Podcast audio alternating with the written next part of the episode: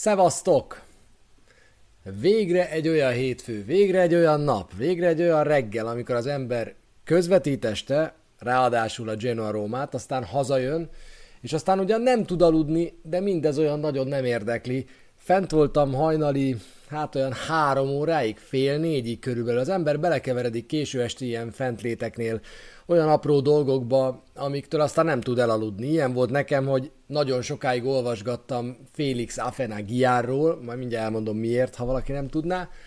Aztán utána belekezdtem pár NBA meccsbe, ugye megnéztem a Clippers Mavs mérkőzés végét, és ha már megnéztem a Clippers Mavs mérkőzés végét, akkor utána átkapcsoltam a Detroit Pistons Lakers NBA meccsnek induló NFL mérkőzés betéttel lezajló hát gigaharcra, ahol én olyat láttam, amilyet NBA pályán a 90-es évek óta, gyakorlatilag a Melissa the Palace óta nem, hogy egy játékos teljesen elszabadult, és hát aztán ez kicsit fenntartott, így, így nem nagyon tudtam aludni, de aztán végül körülbelül olyan fél négykor sikerült elaludni, és most meg itt vagyok, hogy beszélgessünk egy picit arról, hogy az AS Róma újra nyert, és hogy az AS Róma végre talán maga mögött hagyhatja a démonait, a gyengeségeit, a rossz helyzet kihasználását, a szenvedéseit, és mindezt egy 18 éves fiúnak köszönheti. Úgyhogy jó reggelt kívánok mindenkinek, látom ide a csetre is már nagyon-nagyon sokan megérkeztetek, aminek külön örülök. Jó reggelt kívánok mindenkinek, vágjunk bele, és persze köszöntöm azokat is, akik esetleg podcastén hallgatják vissza kedden vagy kedd után a Falka ösztönt. Hát figyeljetek, Válogatott szünet. Itt kezdődik a Genoa elleni mérkőzés története. A csapat 5 ponttal gyűjt kevesebbet, mint amennyit az előző szezonban Fonszékával gyűjtött 12 forduló alatt, majd elmegy egy válogatott szünetre, szakajtónyi játékosát elviszik a csapatnak, de nagyon sokan visszatérnek az AS Rómához, ugye? Úgy kezdődött minden a Venécia elleni vereség után, hogy Zaniolo és Pellegrini is elutazott Covercianóba az olasz labdarúgó válogatott főhadiszállására, és mind a ketten részt vettek egy orvosi vizsgálaton, meg nyilván egy konzultáción a csapatorvossal és Mancinivel, és ezután visszatértek Trigóriába, Rómába, mert sérülésük miatt nem vehettek részt az olasz válogatott összetartásán. Én ennek úgy a magam részéről örültem mert Pellegrini gyulladt térdel játszott az elmúlt időszakban, Zaniolónak jót tett a pihenés, és az, hogy együtt edzhet két hetet a Rómával. Emellett Karsdorp is pihenőt kapott, mert nem kapott meghívót a holland válogatott edzőtáborába. Úgyhogy én örültem neki, hogy azért többen pihenhettek a csapatból. Még annak örültem volna, hogyha Veretú is pihenhet egy picit, de aztán Paul Pogba sérülése ezt a számításomat áthúzta, és így Veretú végül a francia válogatottban szerepelt, na nem sokat, de hát úgy körülbelül az történt az elmúlt két hétben, ebben a válogatott szünetben, hogy, hogy a Róma úgy kb. pihent. Hogy a Róma úgy kb. együtt edzett, hogy Mourinho egy picit tudott beszélni a fejekkel, meg úgy körülbelül nyugi volt a csapat házatáján. És akkor én hátradőltem, és azt mondtam, hogy oké, okay, azok, akik elmentek a válogatottba, végül is a legtöbben sikerélménnyel lettek gazdagabbak, Mikitárján legalább szerzett egy gólt, akkor is, ha 11-esből, akkor is, ha egy 4-1-es vereség alkalmával a németek ellen, de legalább rugott egy gólt, Temi Abraham, akkor is, ha San Marino ellen, de meríthetett egy pici önbizalmat. Jó volt ez a válogatott szünet, alapvetően szerintem a Róma szempontjából.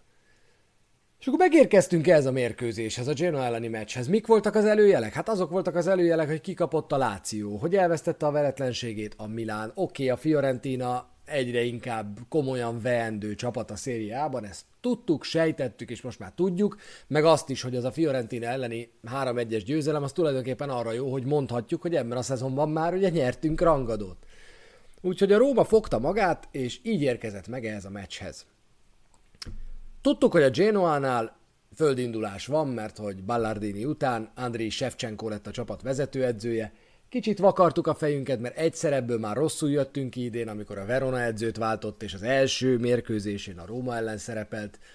Egyébként a Róma mérlege totálisan 50%-os, amikor új vezetőedzők ellen játszik 2000 óta, ebben az évezredben 15 meccsen 5 győzelem, 5 döntetlen, 5 vereség a mérleg. És akkor úgy hátra dőltem. Aztán Haraszti Ádi volt olyan jó fej, hogy átvette tőlem a tegnap esti Clippers Mavs NBA mérkőzést, én meg elkértem tőle a Genoa Rómát végül, és hát mennyire boldog vagyok, hogy ezt, a, ezt, ezt meghúztam, meg mennyire köszönöm, hogy ezt átengedte és cserélt velem, mert, mert egy nagyon jó élmény lett ez a mérkőzés. De amikor erre készültem, erre a meccsre tegnap, akkor Hát gondoltam, megnézem a Mourinho sajtótájékoztatót. Szombaton kirándultunk, meg családdal voltunk, nem nagyon volt időm ilyenekkel foglalkozni, hogy megnézzem, meghallgassam Mourinho sajtótájékoztatóját. Meg azt tudtam, hogy a Genoánál azért vannak gondok. Tehát tudtam, hogy vannak hiányzói Shevchenkónak. Először a Mourinho sajtótájékoztatót hallgattam meg. És hát gyerekek, amit ott hallottam, én sokat megértem már Róma szurkolóként, hallottam egy-két sajtótájékoztatót, egy-két edzői nyilatkozatot, de amit ott hallottam, az meglepett azt a barátságtalan hangulatú, ö, tehát ki lehet mondani, szemét újságírói kérdésekkel teli, morcos Murinyót eredményező sajtótájékoztatót, ami itt a Genoa elleni mérkőzés előtt zajlott, hát mintha nem egy ilyen kéthetes válogatott szünet után lettünk volna, hanem mintha Murinyó tegnap veszett volna össze véresen az összes újságíróval. Bejönnek az újságírók, első, kér, első kérdés, egy nappal azután, hogy a Róma ugye megtudja, hogy Cristante és Villar covidos, mit tud ebben a pillanatban a Róma? Azt tudja, hogy ők ketten tíz napig biztos nincsenek, az nagyon jó, hogy Cristante pont akkor, amikor tíz nap, hét nap alatt háromszor kell játszani, akkor nincsen, tíz napig legalább, hiszen tíz nap karanténba kell vonulni, de legalább még egy középpályás kapta el a koronavírus, tehát Villar sincsen, akkor is, ha sokat nem használtuk idén. És mit tud még Mourinho? Mitől sík ideg? Vasárnap, amikor a csapat ö, Genovában fel kell, akkor még egy kör teszt mindenkin, és még bárki kieshet az esti mérkőzésig. Úgyhogy síkideg Mourinho megérkezik a sajtótájékoztató. Első kérdés.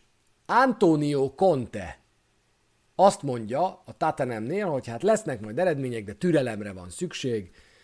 Lesz-e Mourinho-nak elég türelme végigvinni a Róma projektet? Első kérdés. Ültem már pár sajtótájékoztatom. Vannak nagyon-nagyon hülye újságírói kérdések, ezt be kell vallanunk. Valamikor az embernek ö, vagy nem jut jó kérdés az eszébe, vagy vannak, akik egyszerűen nem gondolkoznak azon, hogy mit kérdezzenek, tudják, hogy valamit írni kell, a három kötelező kérdés megvan. Az az újságíró, a Sky-tól, azt hiszem Manjante volt az, aki ezt megkérdezte, az pontosan tudta, hogy egy über szemét kérdést akar mourinho feltenni, mert Kontét idézni a Tatanemtől első kérdésként és nem a Genoa elleni mérkőzéssel foglalkozni, na ez megadta az alaphangulatát az egész sajtótájékoztatónak, mondta is Mourinho, hogy a következő kérdést kérem, ez volt az első kérdésre a válasza. Jó, második kérdés, egy gadzettás, azt hiszem gadzettás újságíróhölgy. Mit gondol Andrei Shevchenko, és mi az első emléke vele kapcsolatban? Zsozénak már egy picit elkerekedtek a szemei, és azt mondta, hogy Biztos, hogy ennél nem jutott jobb kérdés eszébe? Biztos, biztos, hogy erre kíváncsi? Csak győzködte a hölgy, hogy igen, igen, erre kíváncsi, a Mourinho azért a nap végén mégiscsak egy úriember, hölgyeket nem küld el a francba, és aztán azt mondta, hogy hát ha erre kíváncsiak, az első emlékem vele kapcsolatban az, amikor a Porto videó elemzőjeként, segédedzőjeként, tolmácsaként, multifunkciós Robson melletti embereként egy PSV Eindhoven Dinamo Kiev BL mérkőzést elemeztem, ott láttam először Andrei Shevchenkot, és mindjárt láttam, hogy milyen jó játékos. Jó, menjünk tovább. Szóba kerül a Covid, végre elkezdenek beszélgetni a Genoa elleni meccsről, a sajtótájékoztató tizedik percében tartunk körülbelül.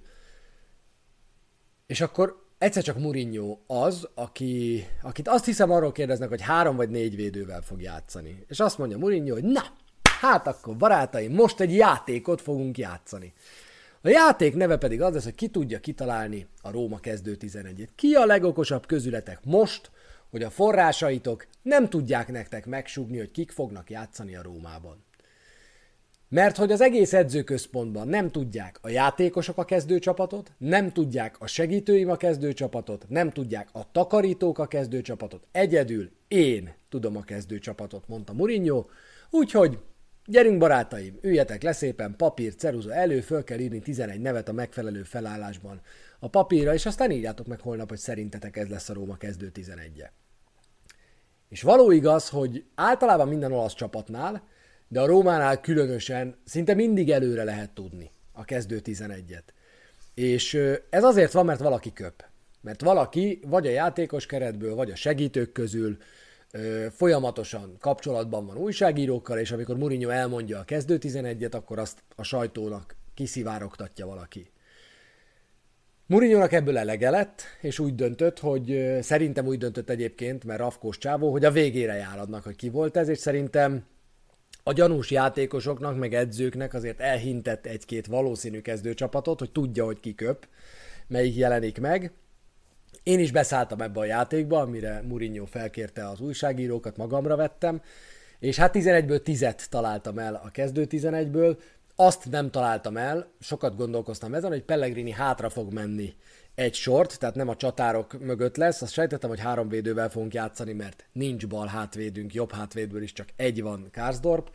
Úgyhogy azt nem volt nehéz eltalálni, hogy három védővel fogunk játszani, hogy kik lesznek azok, az se volt nehéz eltalálni. Azon az egyen gondolkoztam, hogy vajon Darbo kerül-e be szűrőnek, és Pellegrini a helyén marad, és Mikitárián marad ki, vagy pedig Pellegrini egy sorral hátrébb jön, és Lorenzo Pellegrini hátrébb kényszerülve Mikitárián bekerülhet a két csatár mögé. Utóbbira nem számítottam, tehát arra, hogy Mikitárián bizalmat kap, arra nem számítottam, azt hittem, hogy ha így lesz, akkor esetleg Zaniolo lesz az, aki a két csatár mögött játszik. De Mourinho első zseniális döntése, hogy három védővel játszik a Róma, két csatára játszik a Róma, és Mikitárián az, akinek bizalmat szavaz, és akit visszarak a két csatár mögé.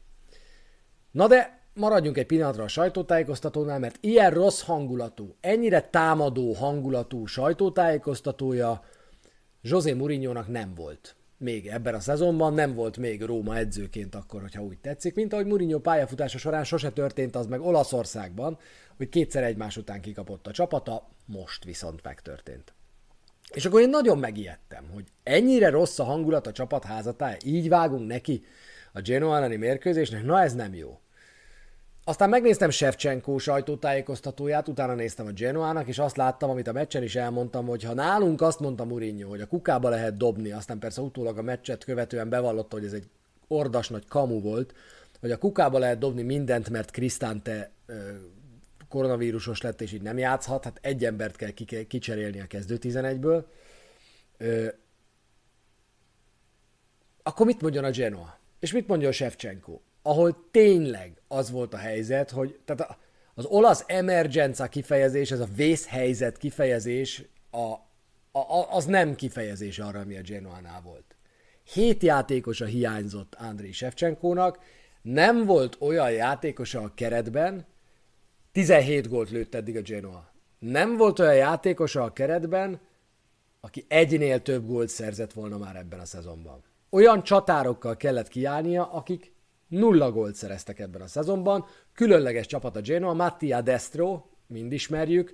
Volt, aki szerette, volt, aki nem, volt, aki eleinte szerette, aztán nem a római időszakában. Mattia Destro szerzett 6 gólt a Genoában, és Domenico Criscito, a második legeredményesebb játékos, 5 góllal, mert kapott a Genoa idén 5-11-est, és mind az ötöt berúgta Criscito. Ez 11 gól, hiányozott még Kajszédó, hiányoztak sokan. A lényeg az, hogy egyszerűen nem maradtak gólok Shevchenko csapatában. Nem volt olyan játékos, aki egynél több gólt szerzett volna. Tehát, ha nálunk vészhelyzetet hirdetett José Mourinho, akkor katasztrófa helyzetet kellett volna hirdetnie Shevchenkónak, mert szerencsétlen ukrán úgy játszotta a csapata az első vezetőedzőként végvitt meccsét, hogy a tartalékok tartalékjai kellett, hogy játszanak a Genoában. Nekünk meg mindig a Genoával kéne játszani, hiszen 14 veretlen mérkőzésünk volt eddig a Genoa ellen sorrendben, 2014 óta 11 győzelem, 3 döntetlen, és valahogy ez nekem nem volt meg, hogy a Genoa ellen ennyire sima meccseket játszunk mostanában, de ettől még abban bíztam, hogy ez a sorozat folytatódik. Ami nagyon-nagyon rossz hír volt a Rómánál, az a forma, az öt pontos elmaradás a tavalyi 12. fordulós eredményekhez képest, és az előző hét mérkőzésből egyszer nem kapott gólt a Róma, és a többi hat alkalommal mindig az ellenfél talált be először. Mindig az ellenfél talált be először. Az Empoli elleni 2-0-át kivéve minden egyes alkalommal hátrányba került a Róma. Ugye a Napoli elleni az még egy kakuktojás, mert az 0-0 lett, ott nem tudtunk hátrányba kerülni. Nagyon durva. Az Empoli ellen mi szereztük az elsőt, azóta 7 meccsből 6-szor az ellenfél, és egy darab 0-0 a Napoli ellen. Így hangzik mindez helyesen és rövidebben egy picit. Úgyhogy volt baj, és abban bízhattunk, hogy most egy reset gombot tudunk nyomni a válogatott szünetben. Nagy meglepetés volt nekem egyébként, hogy Mourinho emellett a kezdő 11 mellett döntött, és hogy úgy döntött, hogy Veretú kivételével nem lesz ütköző emberünk a középpályán. Tehát én ettől féltem. Tehát ezt itt is sokszor elmondtam, hogy nagyon sokszor az volt a baj a Rómának, hogy még a Veretú Krisztánte páros is túlságosan pehely a középpályán ahhoz, hogy itt bármiről beszélgessünk. De ez volt Mourinho első jó döntése, első zseniális döntése, mert valahogy tudta azt, hogy ebben az összeállításban a Genoa semmilyen labda kihozatalra nem lesz képes, ha azzal próbálkoznak, azt a széleken próbálják majd meg, egyáltalán nem fogja a Genoa középen erőltetni a játékot, mert félnek a római kontráktól, meg a két római csatártól, úgyhogy pontosan tudta Mourinho, hogy mit csinál, és a pálya közepét kreatív játékosokkal szórta meg, mert tudta azt, hogy itt, itt nem nagyon lesz ütközősdi a középpályán. Badei volt az egyetlen, aki igazából egy ilyen klasszikus ütközőt játszott. A másik, amit tudott Mourinho, az az, hogy 8 fejes gólt kapott már a Genoa.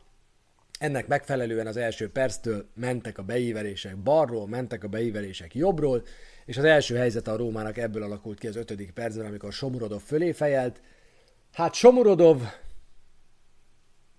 ma is rokkolom a mezét, jól játszott a mérkőzésen. Tehát akármennyire furcsa, minden elfogultságommal együtt mondom azt, hogy nagyon jól áll a Rómának ebben az időszakban, amikor gond van a helyzet kihasználással, amikor nagyon sok a lövés, de alacsony minőségűek a helyzetek. Nagyon jót tesz az, hogy két csatár van elől. Szerintem Ébrehemnek is jót tesz az, hogy megosztja a figyelmet, az, hogy van mellette még egy támadó, és szerintem Somorodov tegnap egyébként kifejezetten jó játszott, amit Ébrahim nem tudott kihasználni. Nagyon sokat mozgott, rengeteget mozgott vissza a labdáért, rengeteget volt játékban Somorodov, beindulásokkal próbálkozott, odaért a kapu elé, visszalépett, megtartotta a labdát, sokoldalúan és szerintem jól játszott Somorodov, és egy kifejezetten jó mérkőzése lett volna, ha már mondjuk az ötödik percben ebből a fejesből vezetést szerez a Rómának, vagy ha a másik nagy helyzetét góra váltja a meccsen. Na erről a helyzetről beszélgessünk egy picit, mert önbevallás következik. Én nem láttam. Én este láttam először azt, amikor az összefoglalót megnéztem a szériá YouTube csatornáján, hogy Somrodov már a felező vonal után pár méterrel elhagyja a cipőjét.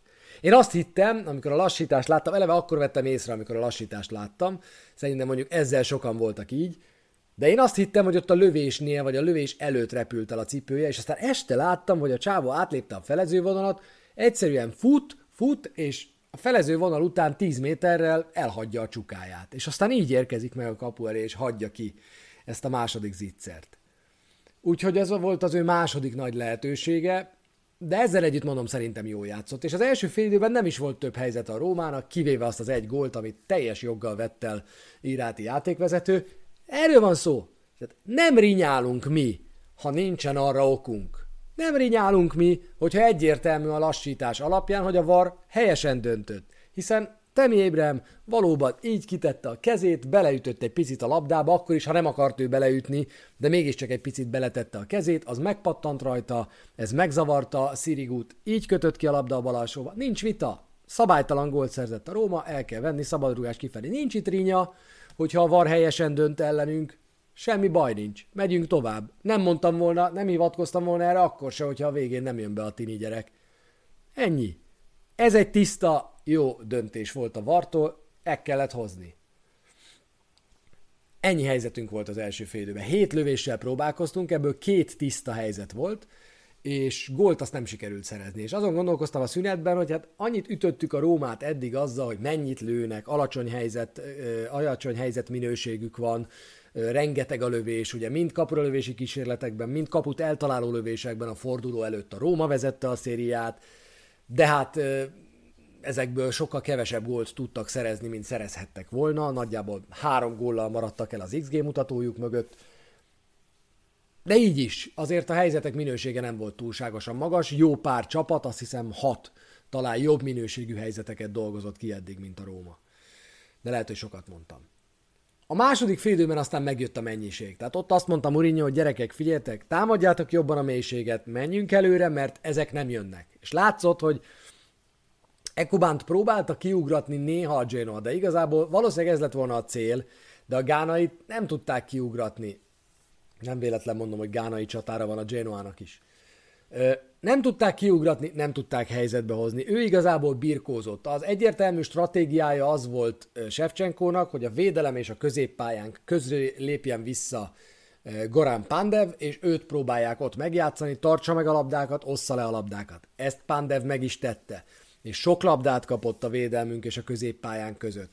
Ki tudott harcolni szabadrúgásokat, időnként le tudta tenni a labdákat, de, de sem mennyiségben, sem minőségben nem volt elegendő a Genoa ahhoz, hogy, hogy előre tudjanak jönni és veszélyt tudjanak teremteni. Még a legveszélyesebb játékosuk támadásban a fiatal Rovella és a szintén fiatal Cambiázó mellett ö, Vázquez volt, aki a védelemből időnként, szintén a háromtagú védelemből, ugyanúgy, ahogy mondjuk nálunk Ibáñez vagy Mancini időnként, ugyanúgy ő lépett be a támadásokba, és főleg a bal oldalon, a mi jobb oldalunkon tudtak ebből veszélyt teremteni.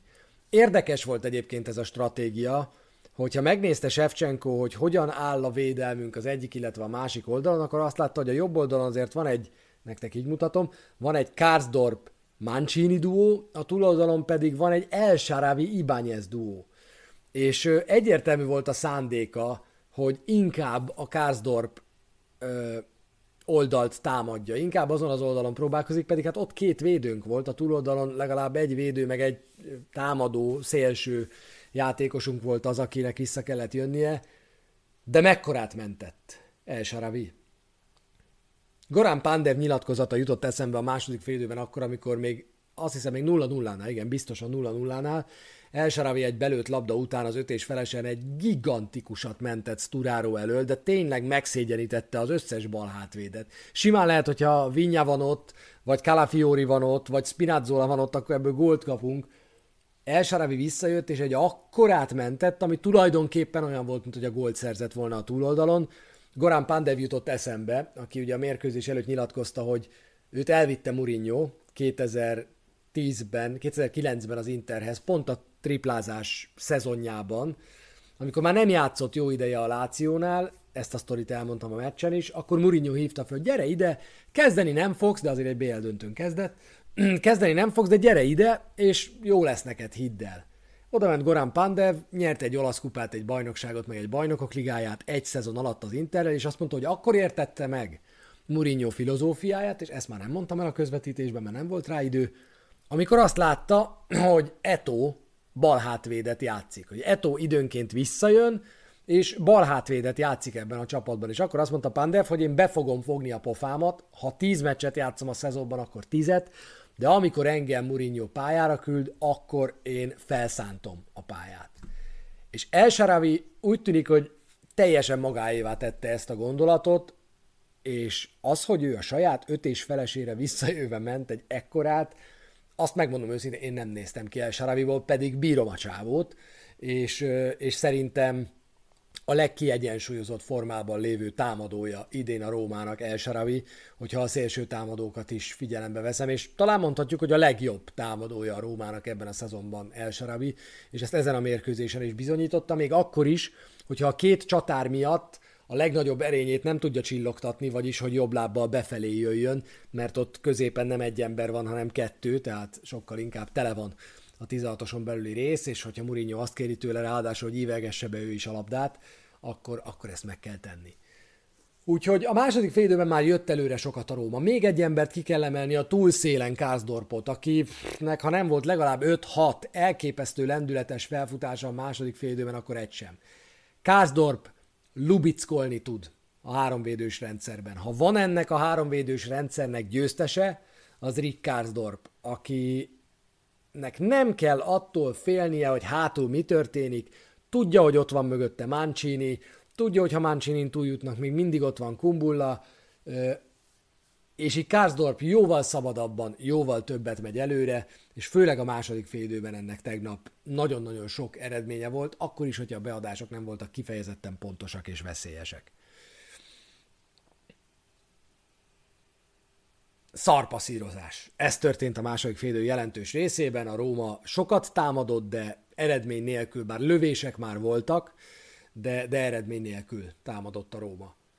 Mikitárián volt az, aki szerintem a mérkőzés legjobb római játékosa volt a kezdőcsapatból.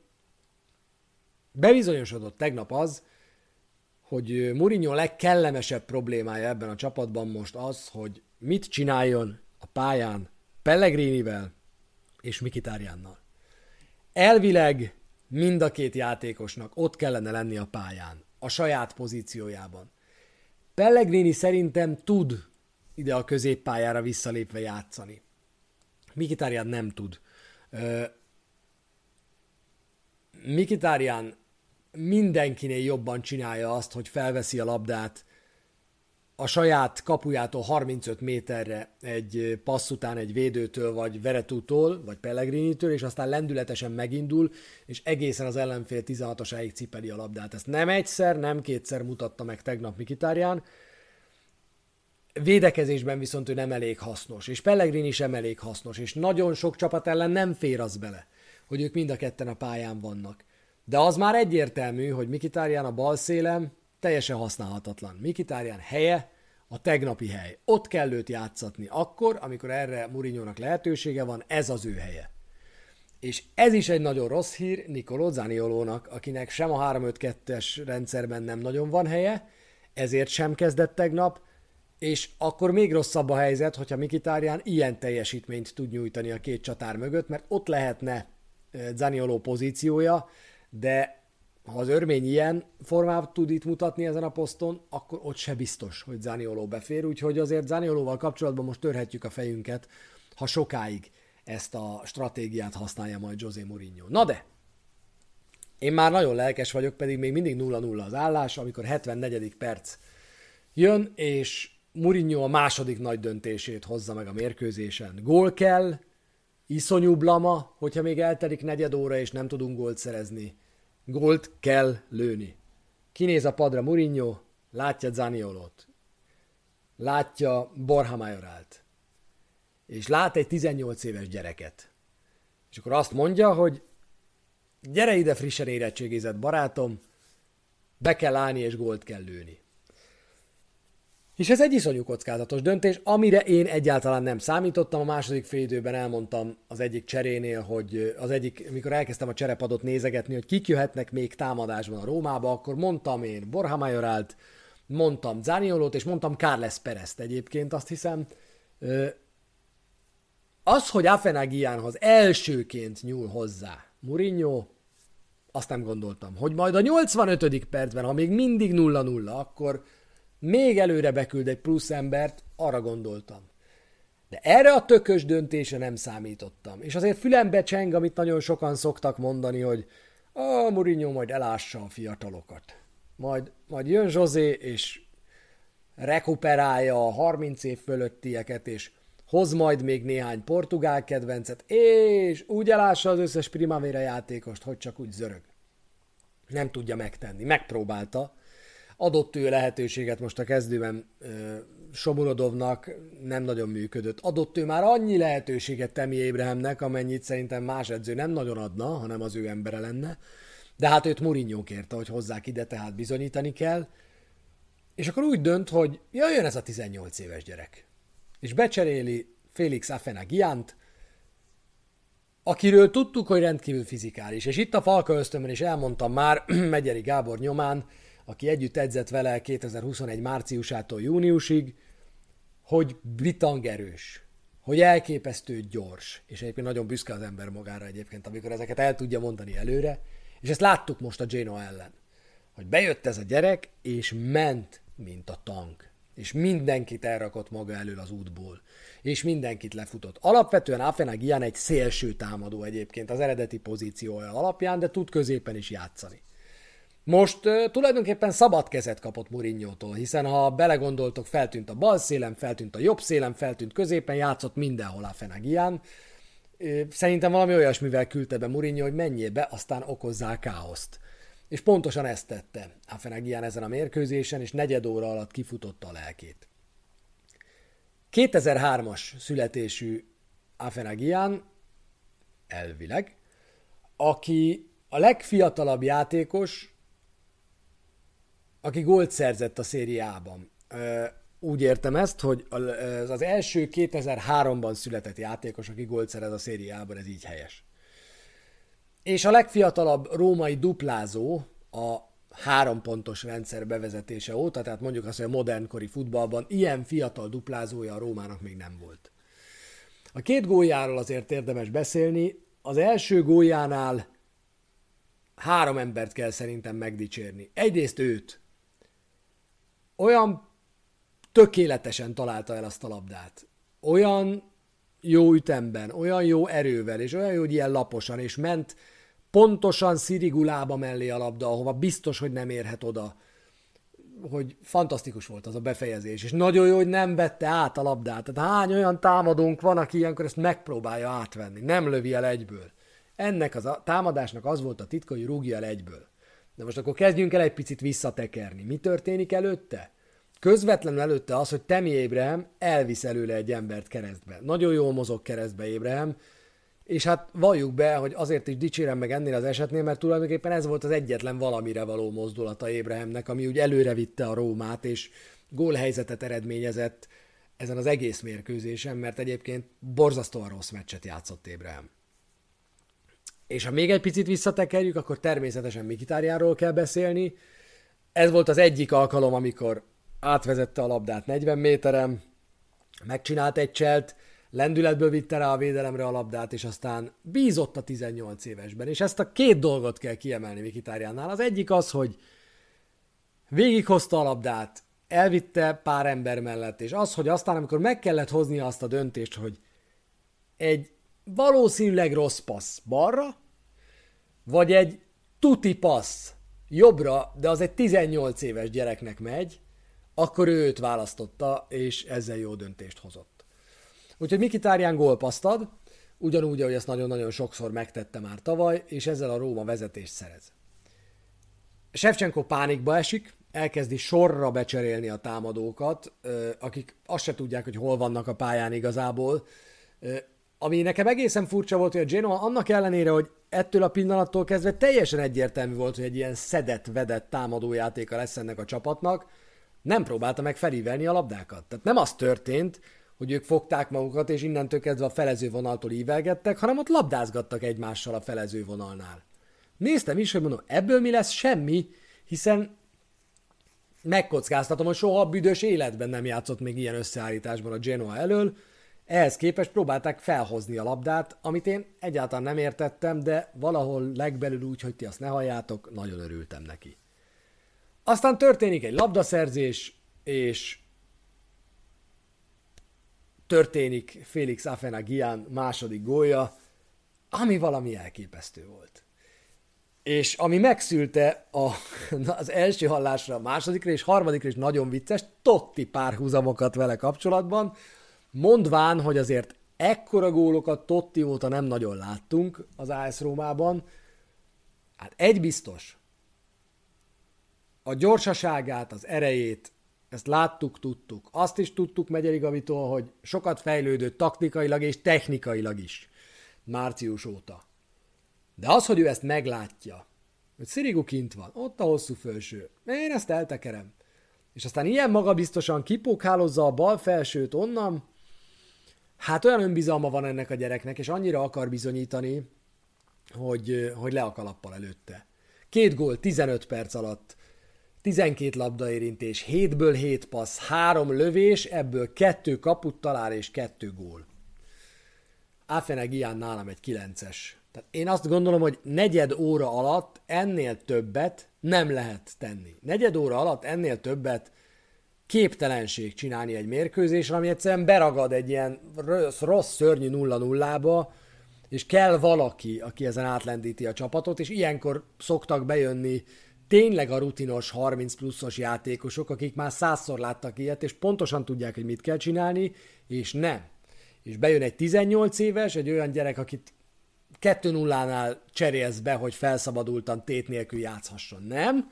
Őt behozza Mourinho szorongatott helyzetben, és lehet, hogy mourinho inkább egy 8-ast kellett volna adnom ezekért a fantasztikus döntéseiért, mert, mert ezt a meccset tényleg az ő makadsága nyerte meg a Rómának, és Afenagi rúg kettőt, és megnyeri a meccset. Rui Patricio egy kötő és horgoló tanfolyamot elvégezhetett volna a mérkőzés alatt, kap egy hatost. Mancini, Kumbula, Ibányez, köztük nem tudtam különbséget tenni, mert nem nagyon állította őket nagy kihívás elé. A Genoa időnként eloszthatták maguk között, hogy kinek kell fellépnie Goran Pandevvel a középpálya felé, de, de amikor hátra néztek, hogy ki van mögöttük, akkor azt látták, hogy senki, tehát igazából bátran jöhettek. Én azért Shevchenko helyében egy icipicit bátrabb lettem volna a támadójátékkal, akkor is, hogyha 10 percre volt attól, hogy az ő taktikája működjön, és neki legyen igaza. Kászdorp, ahogy mondtam, főleg a második félőben rengeteget jött előre, nem volt igazából az oldalán gólveszély, pedig Cambiázó az ő oldalán játszott, és aztán Rovella is áthúzódott oda a második félidőben.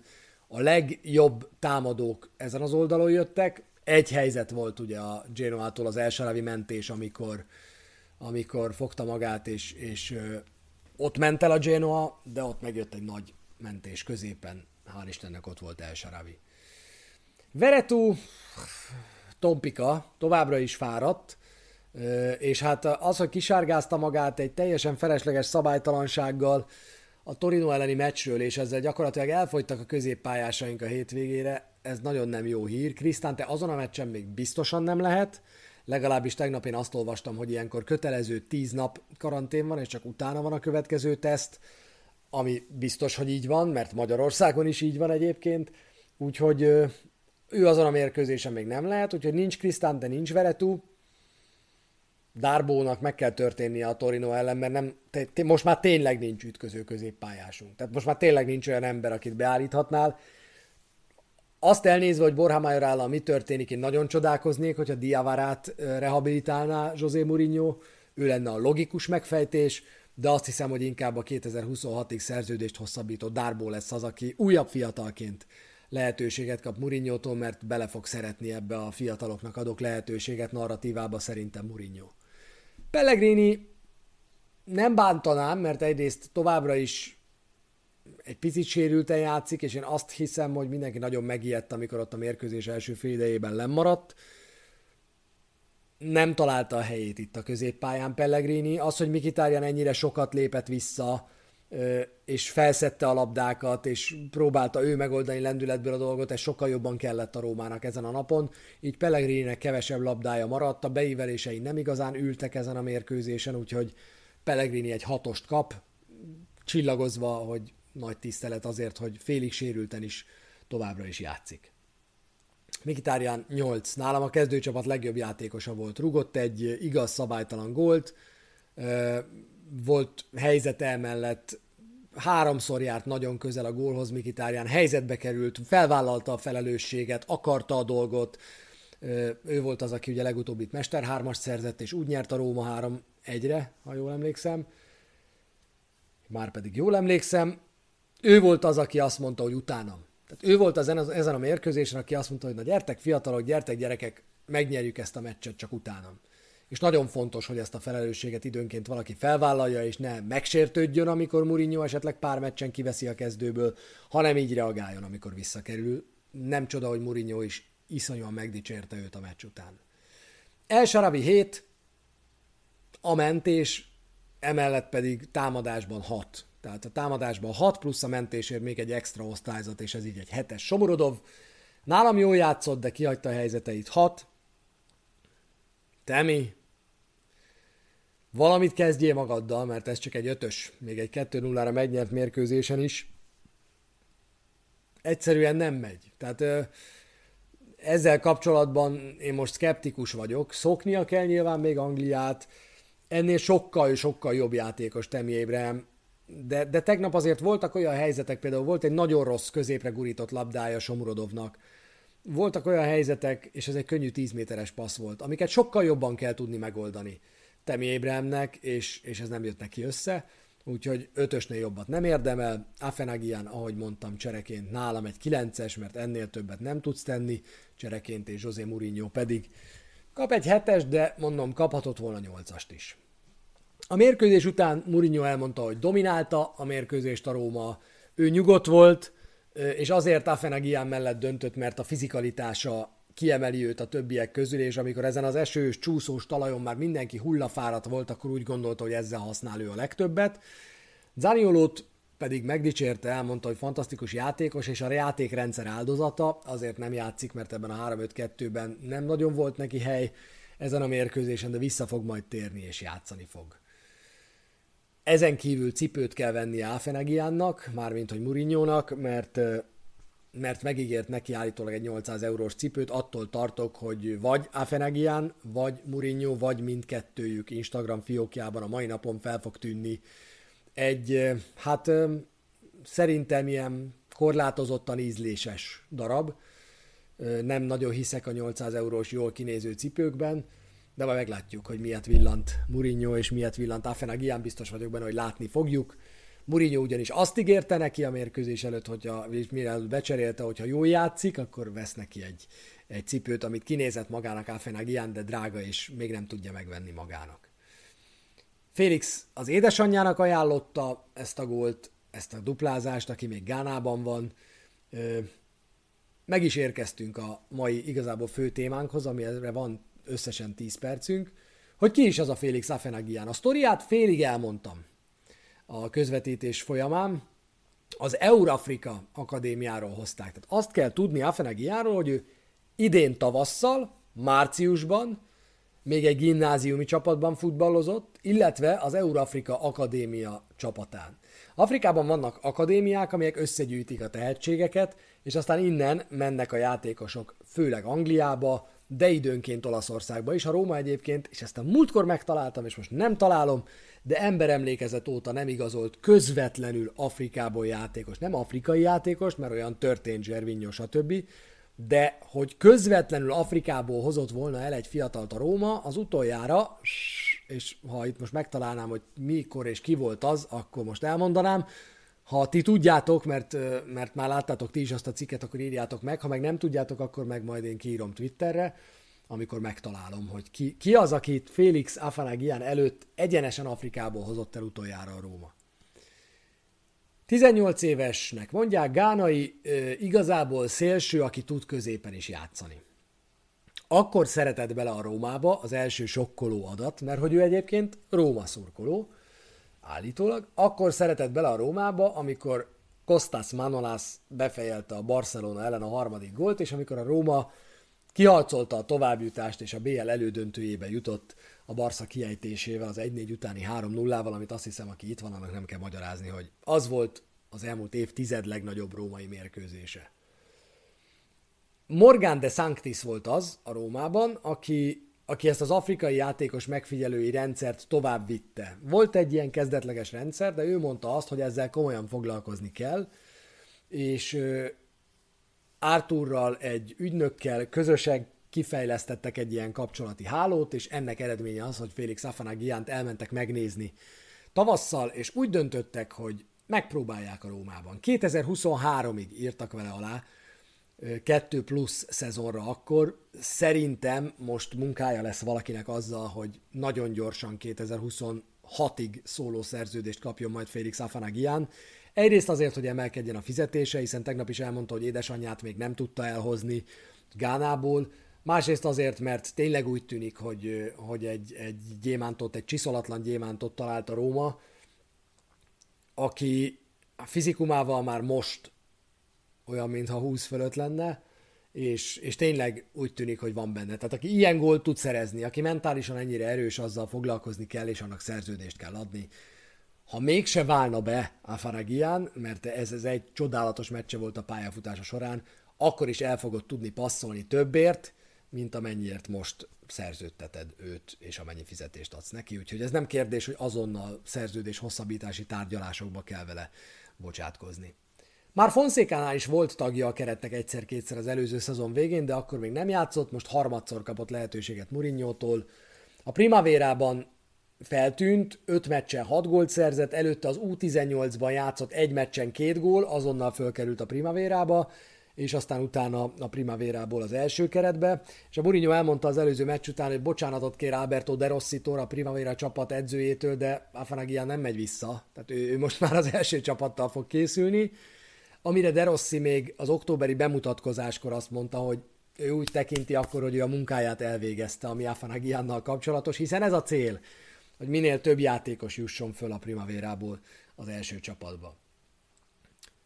Emlékeztek még a Kájári elleni mérkőzésre is, hogy ott Mourinho posztolt a meccs után, ott eltiltott volt, hogy, hogy ő ott ül kinn a lépcsőn, és éppen egy zacskóból kajál, mert nem mehet be az öltözőbe.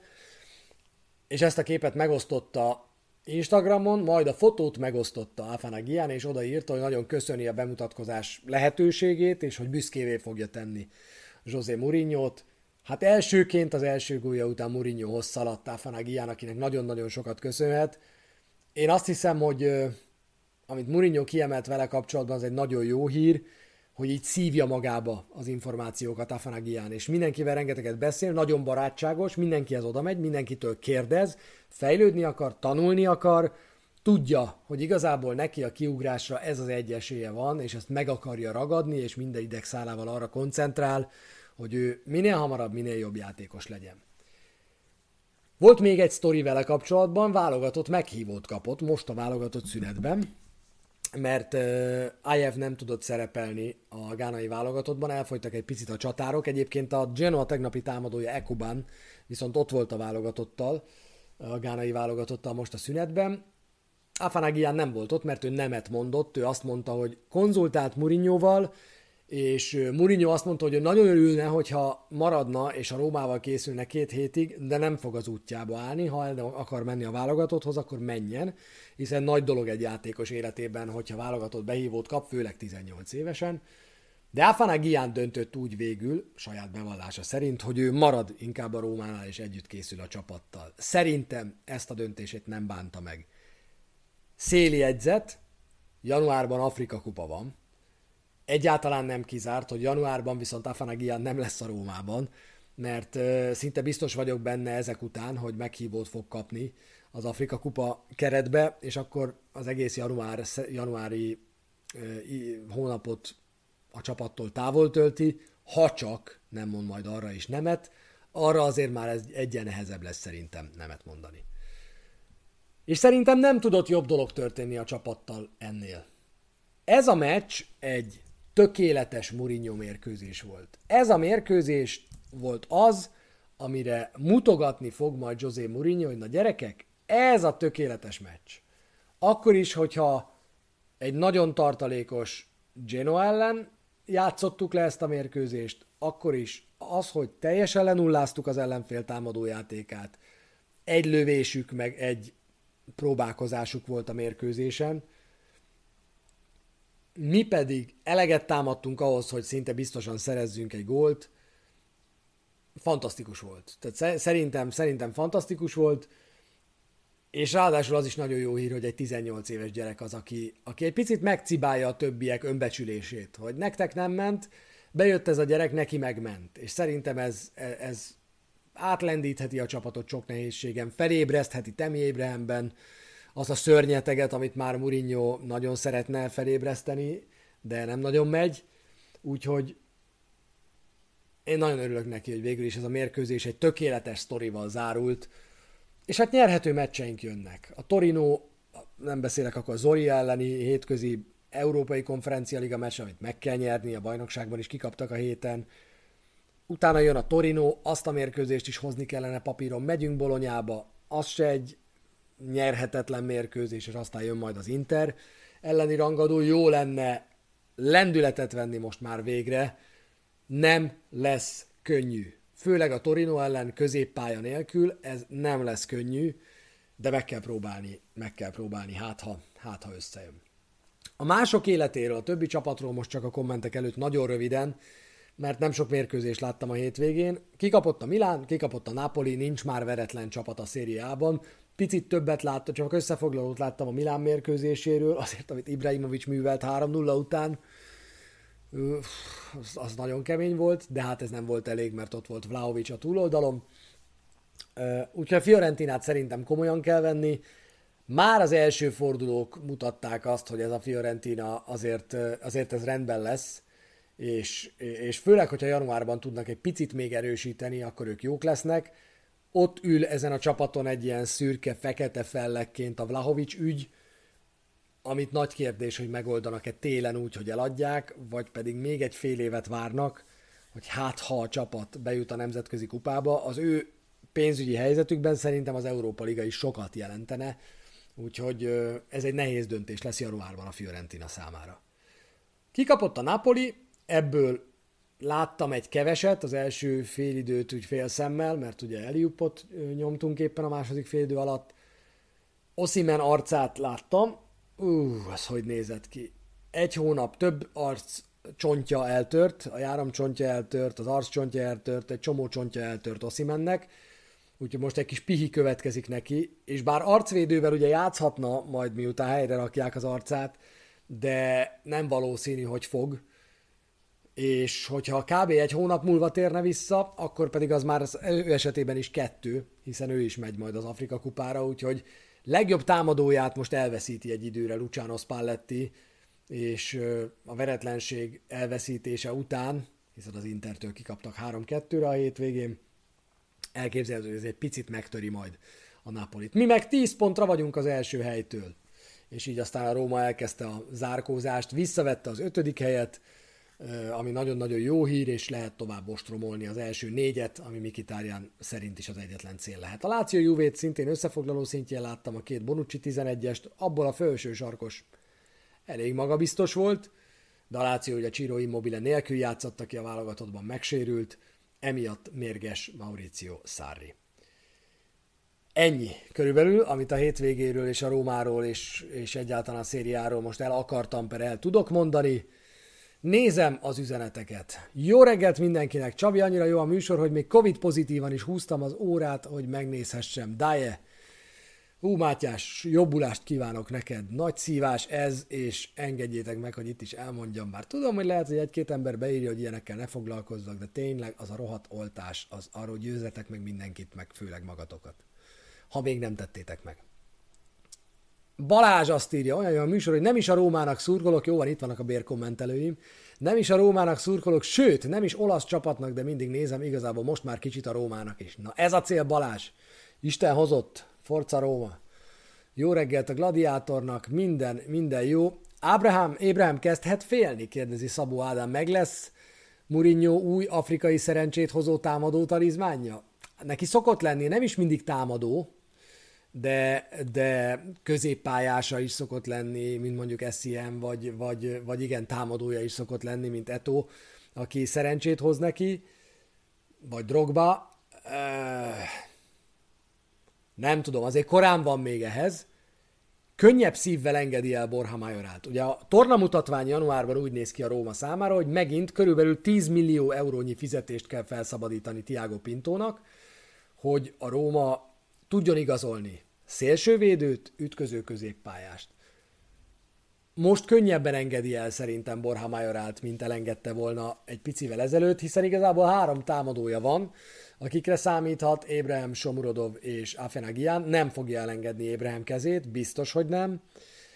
Szerintem Temi Ébrahimnek továbbra is bizalmat fog szavazni, és ez is a helyes döntés. Ez egy 40 millió eurós befektetés, nyomni kell türelmesen, nyomni kell, lehetőséget kell neki adni, időt kell neki adni arra, hogy megszokja az olasz környezetet. Tett egy gesztust neki Mourinho azzal, hogy tulajdonképpen most már négy támadó van vele együtt a pályán, hogyha a két szélét ide veszem. Úgyhogy nyugi, türelem, előbb-utóbb csak jobb lesz. Nincs más lehetőség, mint lehetőséget adni Temi Ibrahimnek. Szia Csabi, mi a véleményed Eldorról? Kezdek tartani attól, hogy a kezdeti fellángolás után megjött az igazi önmaga. Szerinted magára találhat még? Egy másik üzenet ebben a témában, Őze Tibitől. Csabi, kérlek, ne rendelj még Afenam ezt, nehogy úgy járjunk vele, mint Somurodovval. Ilyetek tényleg jól játszott Somurodov, tehát hogyha láttátok a meccset, akkor szerintem ezt elfogadjátok, hogy tényleg kiadott két nagy helyzetet, de helyzetbe került, oda került a kapu elé, eljön az idő, amikor majd ezt berúgja, egyébként pedig sokat védekezett, és, és a, szerintem a játék minden elemében egészen jó volt.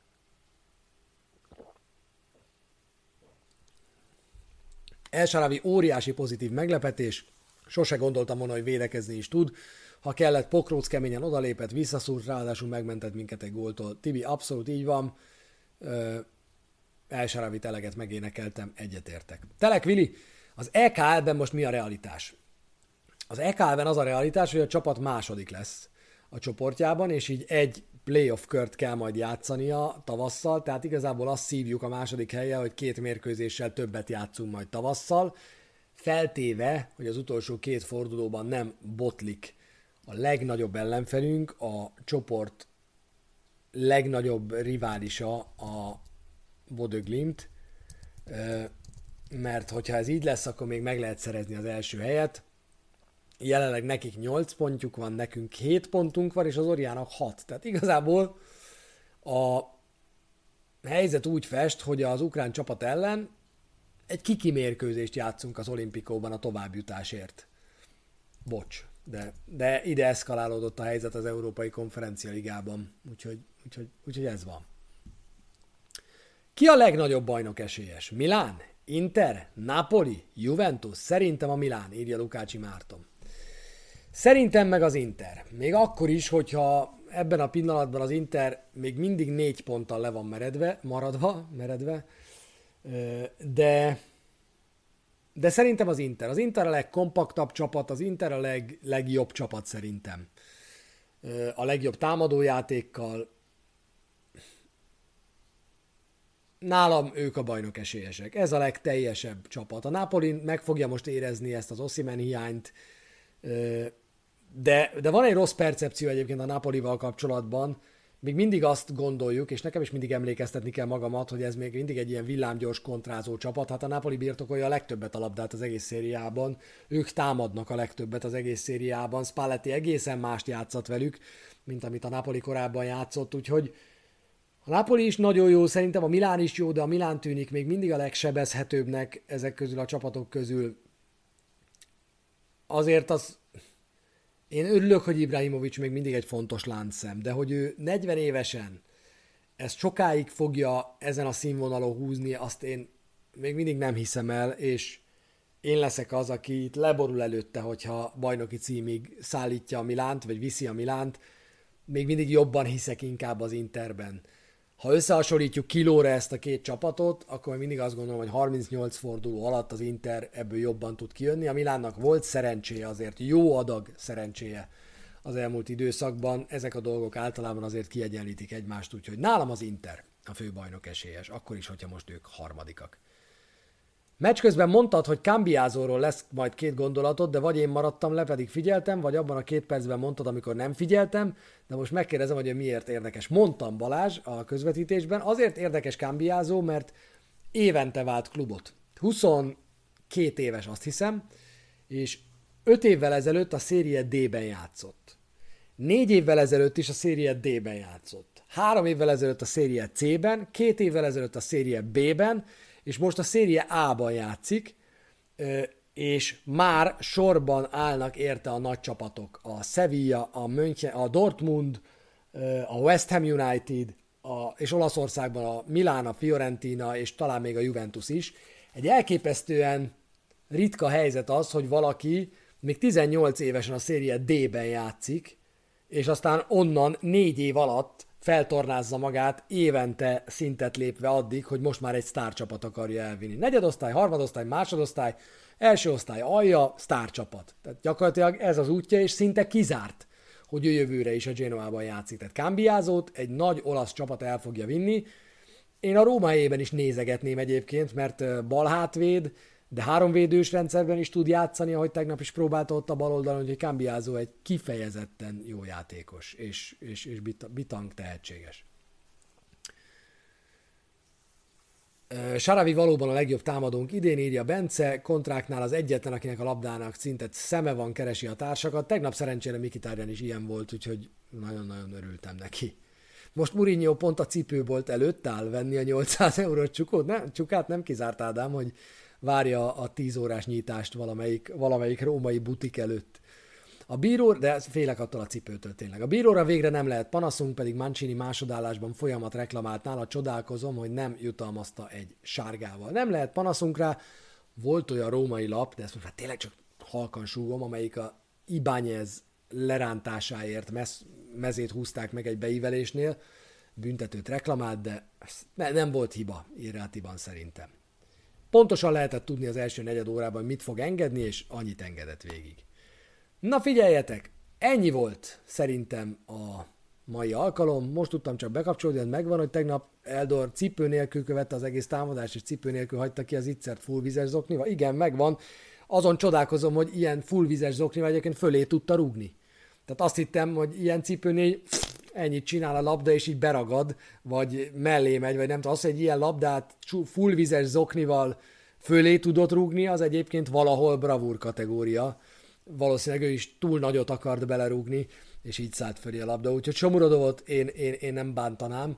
Nagyon bízom benne, hogy előbb-utóbb jönnek majd a gólok is, ahogy Ébrahimnél is. Na de most már nagyon késő van, úgyhogy én nagyon köszönöm, hogy itt voltatok. Egy nagyon fontos információ. Este 10 óra körül Baskával várunk mindenkit a Twitch csatornámon, twitch.tv per Csészaniszló.